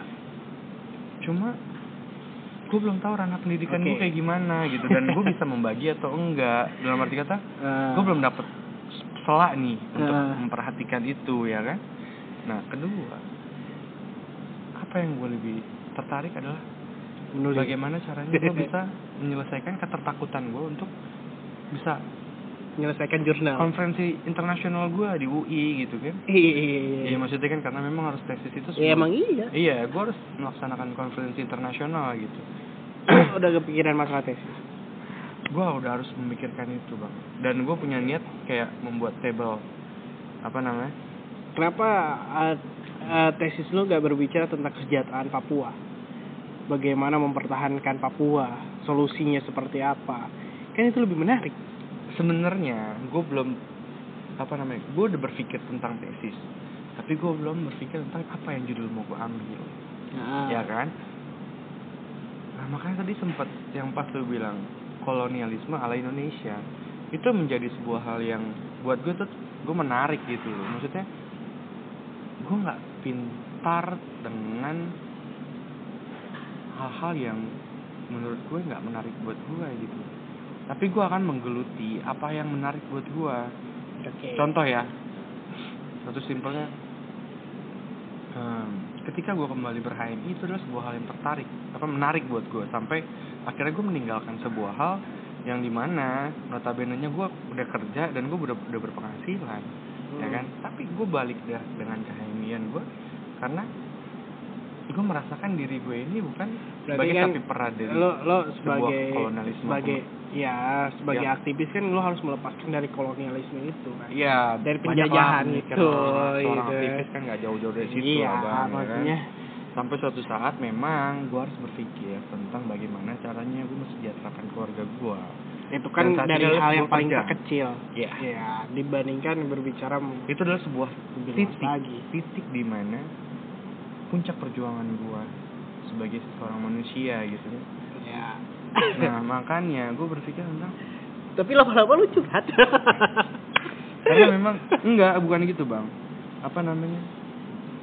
Gua ketika lu suruh nulis apa namanya awalnya gue nggak ngerti kan bukannya maksudnya ya gue berusaha nulis ah dengan itu itu nanti gue pengen bahas eh, apa namanya yang lu kasih tulisan-tulisan yang berita-berita itu gue pengen bukan mengajari tapi apa ya namanya ada revisi udah bagus lu tulisan tulisannya cuman ada yang revisi. Cuman gue pengen nyelesain dulu nih masalah uh, Papua ini kan?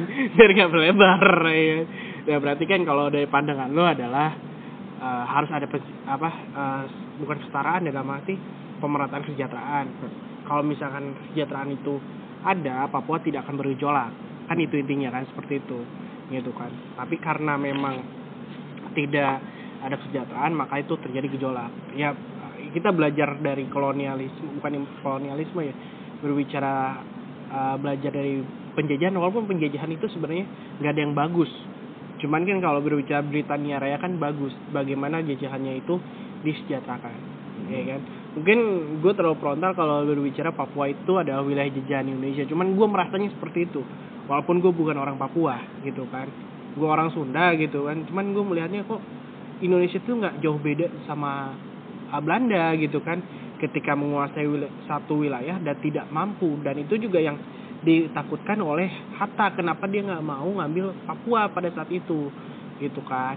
Itu sih yang yang menurut gua yang harus uh, dipikirkan adalah bagaimana kita mensejahterakan bukan kita ya tapi ya kita juga sebagai orang Indonesia sebagai bangsa Indonesia bagaimana bisa menerima apa namanya perbedaan gitu kan. Tidak rasis tidak apa ya namanya membedakan antara satu bangsa bukan bangsa ya dalam hal ini suku dengan suku yang lain gitu kan sebagai negara kesatuan Republik Indonesia. Ya kan? Nasionalisme banget ya gue ya kan? Walaupun gue anak sejarah terkadang gue tidak nasionalisme gitu kan. Karena eh, sekarang banyak banget orang-orang di luar sana yang puber nasionalisme. Buat gua ya secara pribadi. Puber nasionalisme ya baru uh kita harus uh, pertahankan RKRI ya. Kayak kucing lah gitu ya. sebatas ucapan kita orang bersaudara ya kan? Eh gitu-gitu kan ngehe gitu ya. Itu sih menurut gua gitu. Jadi sebenarnya gini bang, apa namanya? Gue coba untuk menyelesaikan apa yang gue bicarakan tadi ya. Eh, terkait apa namanya em, penulisan dan lain-lain lah. Penulisan Papua Ya Papua, Papua itu menarik buat gue. Tapi mungkin em, ketika berbicara tentang kolonialisme ala Indonesia, ya itu akan gue kaji lagi sih baiknya kayak gimana agar bisa diterima dan Jadi itu closing statement lo mau kaji tentang kolonialisme ala Indonesia ya? sedikit tertarik dengan pembahas apa dengan em, mengambil sebuah referensi em, alangkah baiknya Commonwealth ketika di eh, ya, memakmurkan semua Iya, wilayah. Commonwealth itu dijadikan sebuah Indikator keberhasilan. eh, apa namanya yang harus dilakukan oleh pemerintah Indonesia bukan meninggalkan jauh-jauh kolon apa namanya Kolonialisme. kolonialisme yang pembahas karena memang gue bukan apa di sini di dalam di dalam sebuah penulisan ini yang mungkin nantinya gue berusaha untuk menjadi sebuah buku sih apa namanya gue nggak tahu berapa halaman gimana caranya gue berusaha untuk menjadikan ini sebagai sebuah bahan yang selesai gitu ya mau nggak lo compare sama gue bikin buku? pengen sih tapi ya gue nanti Cuman kalau emang kalau nulis itu kan sebenarnya moody ya, maksudnya ya kadang kita lagi senang nulis nulis gitu kan. Iya. Kalau lagi nggak mood ya malas gitu. Itu sih. ya makanya apa namanya itu sih apa namanya gue sangat senang banget ketika apa namanya gue pernah bilang ke BW bang Hmm. Bahwasanya gue ini nggak mau ngecewain dia gitu kan tapi ada satu sisi yang terkadang em, apa namanya gue pengen melakukan tapi gue nggak bisa dan gue takut bukan titik kecewa gitu loh dan Oke, itu gue senang nanti lo closing statement dulu masalah Papua. Nanti iya. lo curhat itu gampang lah. apa namanya ya closing statement tentang Papua ya gue gue nggak melihat dari sisi Papua itu nggak perlu merdeka. Tapi yang harus dilakukan adalah bagaimana pemerintah pusat ini wajib dan eh, apa namanya wajib memperhatikan mereka dan lebih baik untuk men apa namanya eh, untuk tidak melakukan hal pemindahan ibu kota itu saat ini. Karena buat gue bukan gue sebagai warga DKI ya yang takut kehilangan apa namanya ibu kota gue nggak peduli lah buat masalah itu. Karena gue sendiri pun punya berpikir pernah berpikir bahwasanya kayak gue lebih gue udah punya keinginan untuk hidup di luar Jakarta yang namanya Sumpek dan lain-lain. Toh kalau memang ibu kota akan dipindahkan gak terlalu ngefek juga buat diri gue kan? Iya ya kan? Dan dan juga pengen bikin negara sendiri. enggak gitu. Gue gak terlalu sebesar itu bang. Itu namanya pemberontakan langsung dari bilang gue hanya ingin memper, apa namanya bagaimana gue memikirkan tentang ya kalau memang. Balik lagi lah. Ketika gue udah masuk LK2 kemarin gue semakin berpikir gitu sejauh apa gue mempertanggungjawabkan misionaris gue itu kalau dari diri gue ya. Oke. makanya gue gue apa namanya gue sekolah lagi. Gue juga pengen meningkat juga dalam karir KMN gue walaupun ya itulah. Pokoknya kalau untuk closing statement gue nggak perlu saat ini Papua merdeka yang perlu hanya pemerintah pusat untuk melakukan kajian ulang terhadap pemindahan ibu kota tersebut Oke. alokasinya alokasi dana sekian prats itu harusnya lebih baik dipindahkan ke Hmm. Ke wilayah yang yang lebih penting, penting. entah pendidikan dan juga penguatan sipil Kesejahteraan, kesehatan dan yang lain-lain menurut gue itu penting ya banget di Papua. penguatan militer Karena kan masih juga. banyak kesehatan di sana itu masih kurang kan gitu. nggak kita nggak pernah tahu bang sejauh apa keamanan apa namanya negara. sebuah negara itu akan tergejolak kan dengan Hmm. nama namanya alutsista itu itu bisa membuat stabilitas Indonesia Iya, gitu. iya. Oke, gitu aja sebenarnya gue pengen pengen ngebahas Papua karena dari kemarin tuh hati gue jujur agak sedikit bergejolak kenapa gue nulis kolonialisme ala Indonesia gue nulis uh, kritik gue eh, dari kemarin juga instastory gue snap WA gue ternyata terkait dengan Papua karena gue agak sedikit miris apalagi dengan apa namanya pengiriman militer itu sebenarnya itu aja sih bukan berarti gue menjadi seorang yang mendukung dianggap separatis atau apa pun Ya, gitu kan cuman gue iya kan tapi kalau di orang luar sana kan berpikirnya seperti itu bahwa Karena sebenarnya kan. Indonesia itu butuh edukasi masih uh, manusianya kan. Hmm. Karena pemilihan opini yang saat ini terjadi itu jahat. Iya, iya, iya, iya. Oke.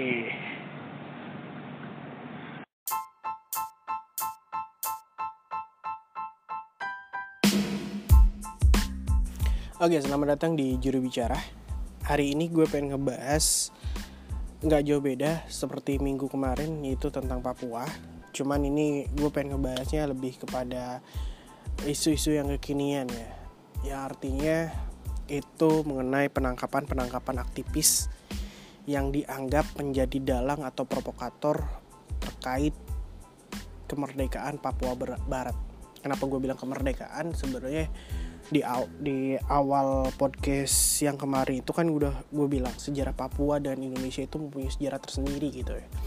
Nah, kalau berbicara tentang aktivis-aktivis HAM yang dianggap provokasi ini yang sudah ditangkap itu adalah Surya An- Anta karena dia dianggap sebagai dalang atau otak dari pengibaran bendera bintang kejora di depan Istana Merdeka.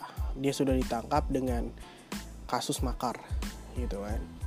Terus sekarang juga pemerintah sedang uh, getol-getolnya mengirimkan pasukan-pasukan yang dari BRIMOB, TNI maupun unsur-unsur lain lainnya ke Papua dengan dalih pengamanan NKRI gitu loh. Di sisi lain juga sekarang yang sedang dibidik aktivis yang sedang dibidik itu adalah Veronica Koman itu sedang trending banget menurut gua dan ini perlu kita bahas karena kenapa Veronica Koman ini memang orang yang konsisten dalam mengawal uh, kemanusiaan di Papua gitu kan tindak diskriminasi tindak kriminalisasi terhadap orang-orang Papua terus juga rasisme terhadap orang-orang Papua nah Veronica ini itu adalah orang yang terus memberitakan terkait kejadian rasisme di Surabaya. Dia dianggap sebagai dalang dari munculnya atau kerusuhan yang ada di Papua maupun menyebarnya ke seluruh Indonesia ini gara-gara Veronica Koman. Makanya dia lagi dikejar oleh Interpol. Kalau gua ngelihat profilnya Veronica sendiri kan dia masih muda banget ya, umur 21 dia berani untuk uh, berbicara mengenai hal itu gue cukup bukan cukup ya tapi sangat salut dengan hal itu menurut gue pemerintah terus mengejar dia dan bahkan terakhir yang gue tahu paspor atau ya paspornya setahu gue itu mau dicabut oleh pemerintah Indonesia sehingga Veronica bisa dideportasi ke Indonesia dan ditangkap jadi nanti Veronica ini akan dikenakan pasal mengenai hoax atau bisa dikatakan dengan UITE juga bisa kena seperti itu. Dan menurut gue sih tindakan-tindakan seperti ini tidak perlu untuk dilakukan oleh pemerintah. Karena memperlihatkan banget bahwa ketidakmampuan pemerintah dalam pengamanan negara gitu termasuk intelijennya gitu kan. Ini nggak mampu banget menurut gua sih kalau menurut gua. Nah kalau berbicara tentang deportasi Veronica Koman ini justru berbanding terbalik dengan isu yang sebenarnya dari pertengahan tahun kemarin sudah tersebar gitu ya bahwa Indonesia sudah mau memverifikasi para XX pejuang atau ya teroris-teroris ISIS yang dari Indonesia. Sekitar 38 orang sudah dipulangkan ke Indonesia. Itu kan mereka kebanyakan terdiri dari perempuan terus juga anak-anak. Banyakannya seperti itu bahkan mereka 32 orang ini adalah ahli perakitan bom lu bayangin deh itu perakitan bom kita kita itu sudah sangat bosan dengan isu-isu terorisme yang selalu muncul setiap tahunnya. Itu seperti momentum terorisme itu. Tapi kenapa pemerintah itu memberikan leluasa apa ya kesempatan kedua untuk masuk ke Indonesia? Sebenarnya uh, kalau kita berbicara ISIS ini kan puncak kejayaan itu tahun 2013, 2014, 2015 lah itu puncak dari kejayaan ISIS ya. Bahkan mereka mampu untuk merekrut para simpatisan-simpatisan yang dari ber uh, berpuluh-puluh negara ya termasuk Indonesia setahu gue itu di Indonesia itu datanya sekitar 800 orang uh, jadi ada yang satu keluarga ada yang sendiri-sendiri yang mereka datang ke ISIS. Kebanyakan dari mereka yang datang ke Suriah itu karena terbuai dengan ya semacam narasi kekhalifahan ala ISIS gitu ya. Memang sempat uh, ISIS ini mempunyai tutorial yang sangat luas sekali tetapi pada akhirnya negara dalam tanda kutip khilafah ini akhirnya berkurang. Sekarang itu hampir 700 meter saja yang bisa dikuasai oleh ISIS sehingga para tentara-tentara atau para uh, teroris-teroris ini yang jumlahnya sangat banyak sekitar 8.500 sampai 10.000 milisi gitu ya itu kocar kacir bahkan ada yang masuk ke pengungsian mereka juga ada yang ke camp-camp Kurdi. Karena ISIS ini kan sebenarnya dimusuhi oleh tentara-tentara Kurdi atau pejuang-pejuang Kurdi dan para uh, pemerintahan dari Bashar al-Assad. Jadi ini adalah apa ya namanya kekalahan secara telak ISIS untuk saat ini. Di tahun 2019 awal itu sudah mulai terlihat nih uh, ISIS ini kalah. Sehingga mereka ini mereka mengungsi dan akhirnya mereka menginginkan untuk pulang ke Indonesia. Gue rasa sih kayak enak banget gitu ya. Jadi ISIS udah pergi tanpa ada berita apa pun berbicara tentang hilafah, membunuh orang, berbicara jihadis itu kan. Karena konsep negara hilapahnya mereka itu kan tanpa sebuah negara gitu ya tanpa ada yang negara bahwa tetap uh, apa ya namanya semangatnya tuh semangat pan islamisme lah dalam tanda kutipnya seperti itu tapi gitu loh setelah mereka menyadari bahwa ISIS itu tidak baik dan ISIS itu adalah seorang teroris dan mereka sudah tidak mampu untuk bertahan di Suriah dengan enaknya mereka mau pulang ke Indonesia satu hal yang gue garis bawahi bahwa yang namanya sebuah ideologi itu tidak akan pernah mati. Dia akan tetap hidup di dalam sebuah pikiran. PKI boleh bubar, tetapi paham komunis akan tetap hidup di setiap kepala manusia yang memang tertarik dengan hal itu. Begitu juga dengan ISIS gitu kan. Paham ISIS ini boleh ISIS kalah, boleh ISIS bubar, boleh ISIS berantakan dan segala macam. Tetapi pemahaman ISIS itu akan hidup di setiap kepala yang memang mempunyai dasarnya radikal. Kenapa gue bilang punya dasar radikal? Karena kebanyakan dari mereka selalu terbawa romantisme kejayaan Islam pada masa lalu yaitu khalifah. Nah, gitu kan. Kenapa gue bilang romantisme kejayaan? Kalau kita berbicara sekarang itu kan sudah bukan konteksnya berbicara khalifahan karena kita mempunyai wilayah teritorialnya masing-masing, negaranya masing-masing, mempunyai kedaulatannya masing-masing. Nah, sebenarnya pemerintah harusnya tidak memberikan kesempatan kepada XX ISIS ini untuk kembali ke Indonesia. Karena yang ditakutkan adalah mereka membuat onar kembali. Istilahnya apa nah nafsu mereka ini muncul kembali. Karena mungkin mereka ini hanya tobat sambal gitu loh. Hanya tobat sementara karena ISIS ini sudah mau kalah baru dia mau pulang. Coba kalau ISIS nggak kalah coba ISIS masih mempunyai teritori yang luas mereka tetap akan di Syria mereka akan tetap membardir membunuh para sipil yang ada di Syria melawan Bashar al-Assad gitu loh ketika Bashar al-Assad ingin uh, menyerang ISIS isunya adalah maju ke masalah sektarian gitu loh antara Sunni dan Syiah gitu. Padahal memang ISIS itu berada di wilayah apa ya kebanyakan mayoritas orang-orang Sunni pada saat itu gitu ya. Nah kembali lagi bahwa pemerintah seharusnya justru tidak boleh memberikan kesempatan secuil pun kepada para para pejuang ISIS atau kombatan ISIS ini gak boleh dikasih ruang sedikit pun. Kalau memang pemerintah serius dalam menangani, serius dalam memberantas terorisme yang selalu digaungkan oleh pemerintah dari zaman SBY sampai sekarang, gitu loh. Ini kan akhirnya bertolak belakang. Mereka-mereka yang uh, memperjuangkan HAM terkait Papua, mereka harus ditangkap kesalahan mereka itu apa? Mereka hanya memberikan informasi. Prayonika Koman, Ananta Sur apa Surya Anta gitu kan. Itu mereka hanya memberikan sebuah apa ya namanya harapan kepada orang-orang Papua.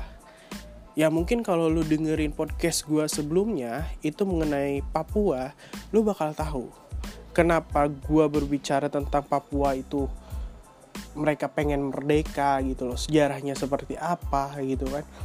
Ya gue sebagai seorang yang memang lahir dari pendidikan sejarah juga dari yang memang latar belakangnya adalah mahasiswa sejarah juga mengamini itu gitu kan. Sehingga pemerintah tuh tidak boleh gegabah dalam menjustifikasi anak bangsanya bahwa dia ini adalah provokator bahwa ini adalah pengkhianat negara kalau gue berbicara tentang Papua Merdeka apakah gue adalah seorang pengkhianat negara? Gue gini deh uh, pernah nggak orang-orang Papua melakukan bom bunuh diri di wilayah Jawa misalkan atau di wilayah di luar Papua? Nggak pernah. Mereka pernah nggak membunuh warga-warga sipil yang ada di Papua? Atau warga-warga non Papua yang ada di Papua? Pernah nggak? Nggak ada. Bandingkan dengan ISIS gitu kan yang mereka dengan bangganya mereka berjihad dengan bangganya mereka melakukan bom bunuh diri. Ini bertolak belakang menurut gua. ISIS yang memang sudah melakukan kejahatan kemanusiaan, sedangkan Papua itu ingin dimanusiakan. Itu yang membedakan antara Papua dengan ISIS, gitu loh. Jadi sehingga kita tidak uh, sangat gampang untuk mengatakan bahwa setiap orang mempunyai hak, tapi hak orang lain itu dibatasi oleh orang lainnya lagi gitu kan. Nah, ISIS ini sudah melanggar hak orang lain dengan melakukan kekerasan, dengan melakukan pembunuhan. Kalau dia dimasukkan ke Indonesia lagi, dia dikembalikan ke Indonesia lagi, gue yakin sekali lagi bahwa ideologi itu tidak akan mati dan bahkan nanti akan berkembang pesat dan akan berpusat isinya itu di Indonesia. Jadi pemerintah nggak usah melakukan verifikasi kalau menurut gue gitu loh. Percuma karena ini sudah berbicaranya adalah paham berbicaranya ideologi yang sudah mengakar di dalam diri mereka bahwa saya harus menegakkan negara hilafah ala ISIS. Itu loh. Itu yang harus kita pahami bahwa pemerintah itu sangat gegabah dalam melakukan tindakan-tindakan menurut gue ya uh, banyak sejarahnya ya kayak semacam Timor Leste 98 itu kan bentuk dari kejahatan kemanusiaan yang dilakukan oleh mungkin pemerintah juga terlibat gitu loh. Gitu. Jangan sampai uh, masalah Papua ini pun akan berujung pada pelanggaran hak asasi manusia. Ya walaupun banyak yang tersebar banyak yang memang gue juga belum melakukan verifikasi tapi uh, tersebar bahwa juga banyak masyarakat masyarakat Papua yang meninggal banyak masyarakat masyarakat Papua itu uh, menjadi korban pelanggaran HAM tapi memang itu belum terverifikasi. Jadi gue belum bisa menjustifikasi uh, informasi itu. Cuman gue yakin kalaupun memang pemerintah mau mengamankan Papua ada cara yang lebih baik lagi yaitu cara persuasif. Bukan dengan cara mengangkat senjata. Itu adalah sebuah kebodohan menurut gue mengulangi sejarah-sejarah yang sudah ada. Dan itu memperlihatkan kualitas pemerintah Indonesia dalam menangani sebuah konflik gitu loh kita selalu berbicara HAM uh, 98 HAM pada masa 99 Timur Leste. Atau berbicara pemerkosaan massal terhadap perempuan-perempuan Tionghoa. Gitu kan. Tetapi ketika ada konflik yang seperti ini dilakukan dengan cara yang sama. Ini bertolak belakang dengan ucapan Pak Jokowi bahwa saya tidak mempunyai beban masa lalu yang selalu dilontarkan ketika Pilpres 2014 sampai Pilpres 2019 untuk menyerang Pak Prabowo gitu loh. Ini bertolak belakang dengan semangatnya Pak Jokowi untuk apa namanya menyelesaikan kasus HAM. kenapa orang-orang pemerintah ini tidak konsentrasi dengan tujuannya yaitu untuk menyelesaikan pelanggaran-pelanggaran HAM kayak semacam gini deh kasus Munir 15 tahun tidak pernah terungkap siapa dalang pembunuhnya Marsina 98 siapa dalang 98 siapa dalang pemerkosaan massal terhadap orang-orang Tionghoa? Terus yang paling dekat Novel Baswedan. Siapa pelaku penyiraman atau otak penyiraman dari Novel Baswedan? Ini kan harus jelas.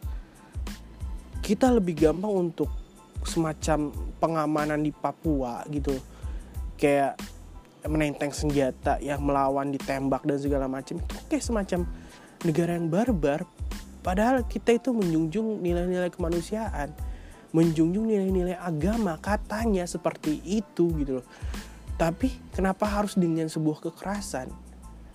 PR-PR yang belum selesai oleh pemerintah Indonesia harus diselesaikan hari ini gitu loh. Jangan hanya sekedar narasi-narasi cuap-cuap agar dipilih di kemudian hari. Eh apa bedanya gitu loh?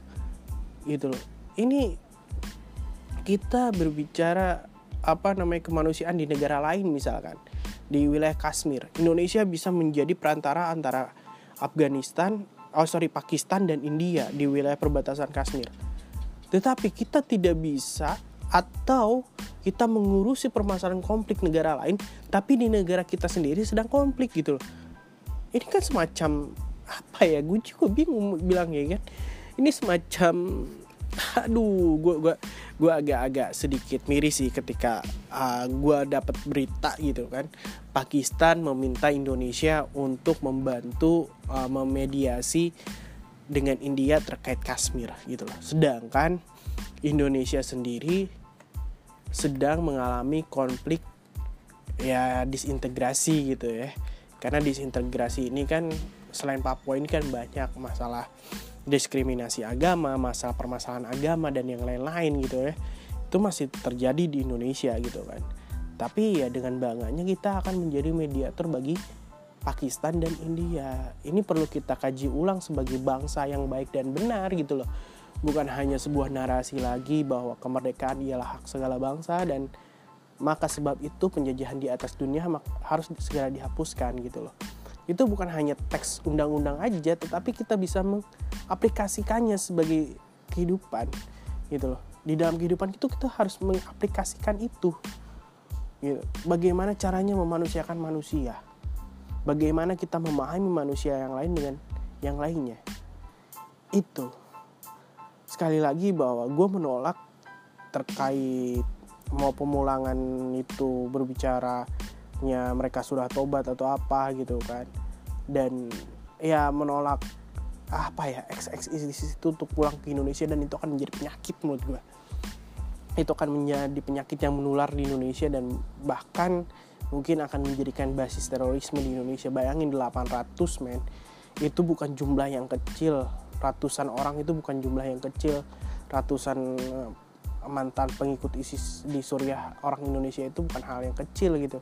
Ketika mereka datang di Indonesia, mereka berkumpul dan melakukan pengorganisiran lagi gitu.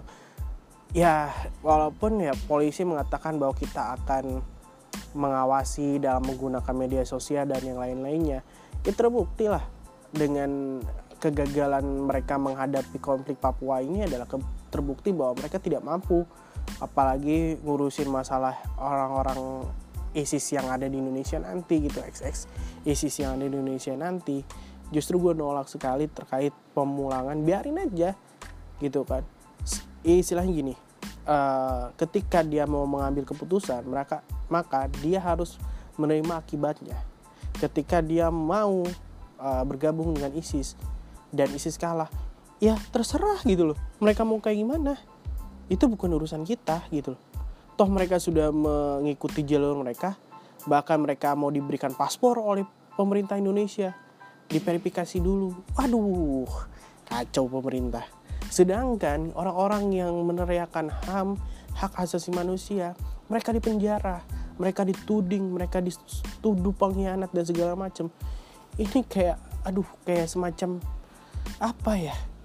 Uh, ya mungkin bahasanya anomali atau apalah itu namanya gitu. Gue juga bingung gitu kalau berbicara pemerintah Indonesia kok bisa begini gitu? Dia mau memulangkan orang-orang ISIS dan menangkap para aktivis HAM gitu kan. Itu sih gue pengen pengen ngomongin itu doang di podcast episode ini. So thank you udah dengerin dan sayonara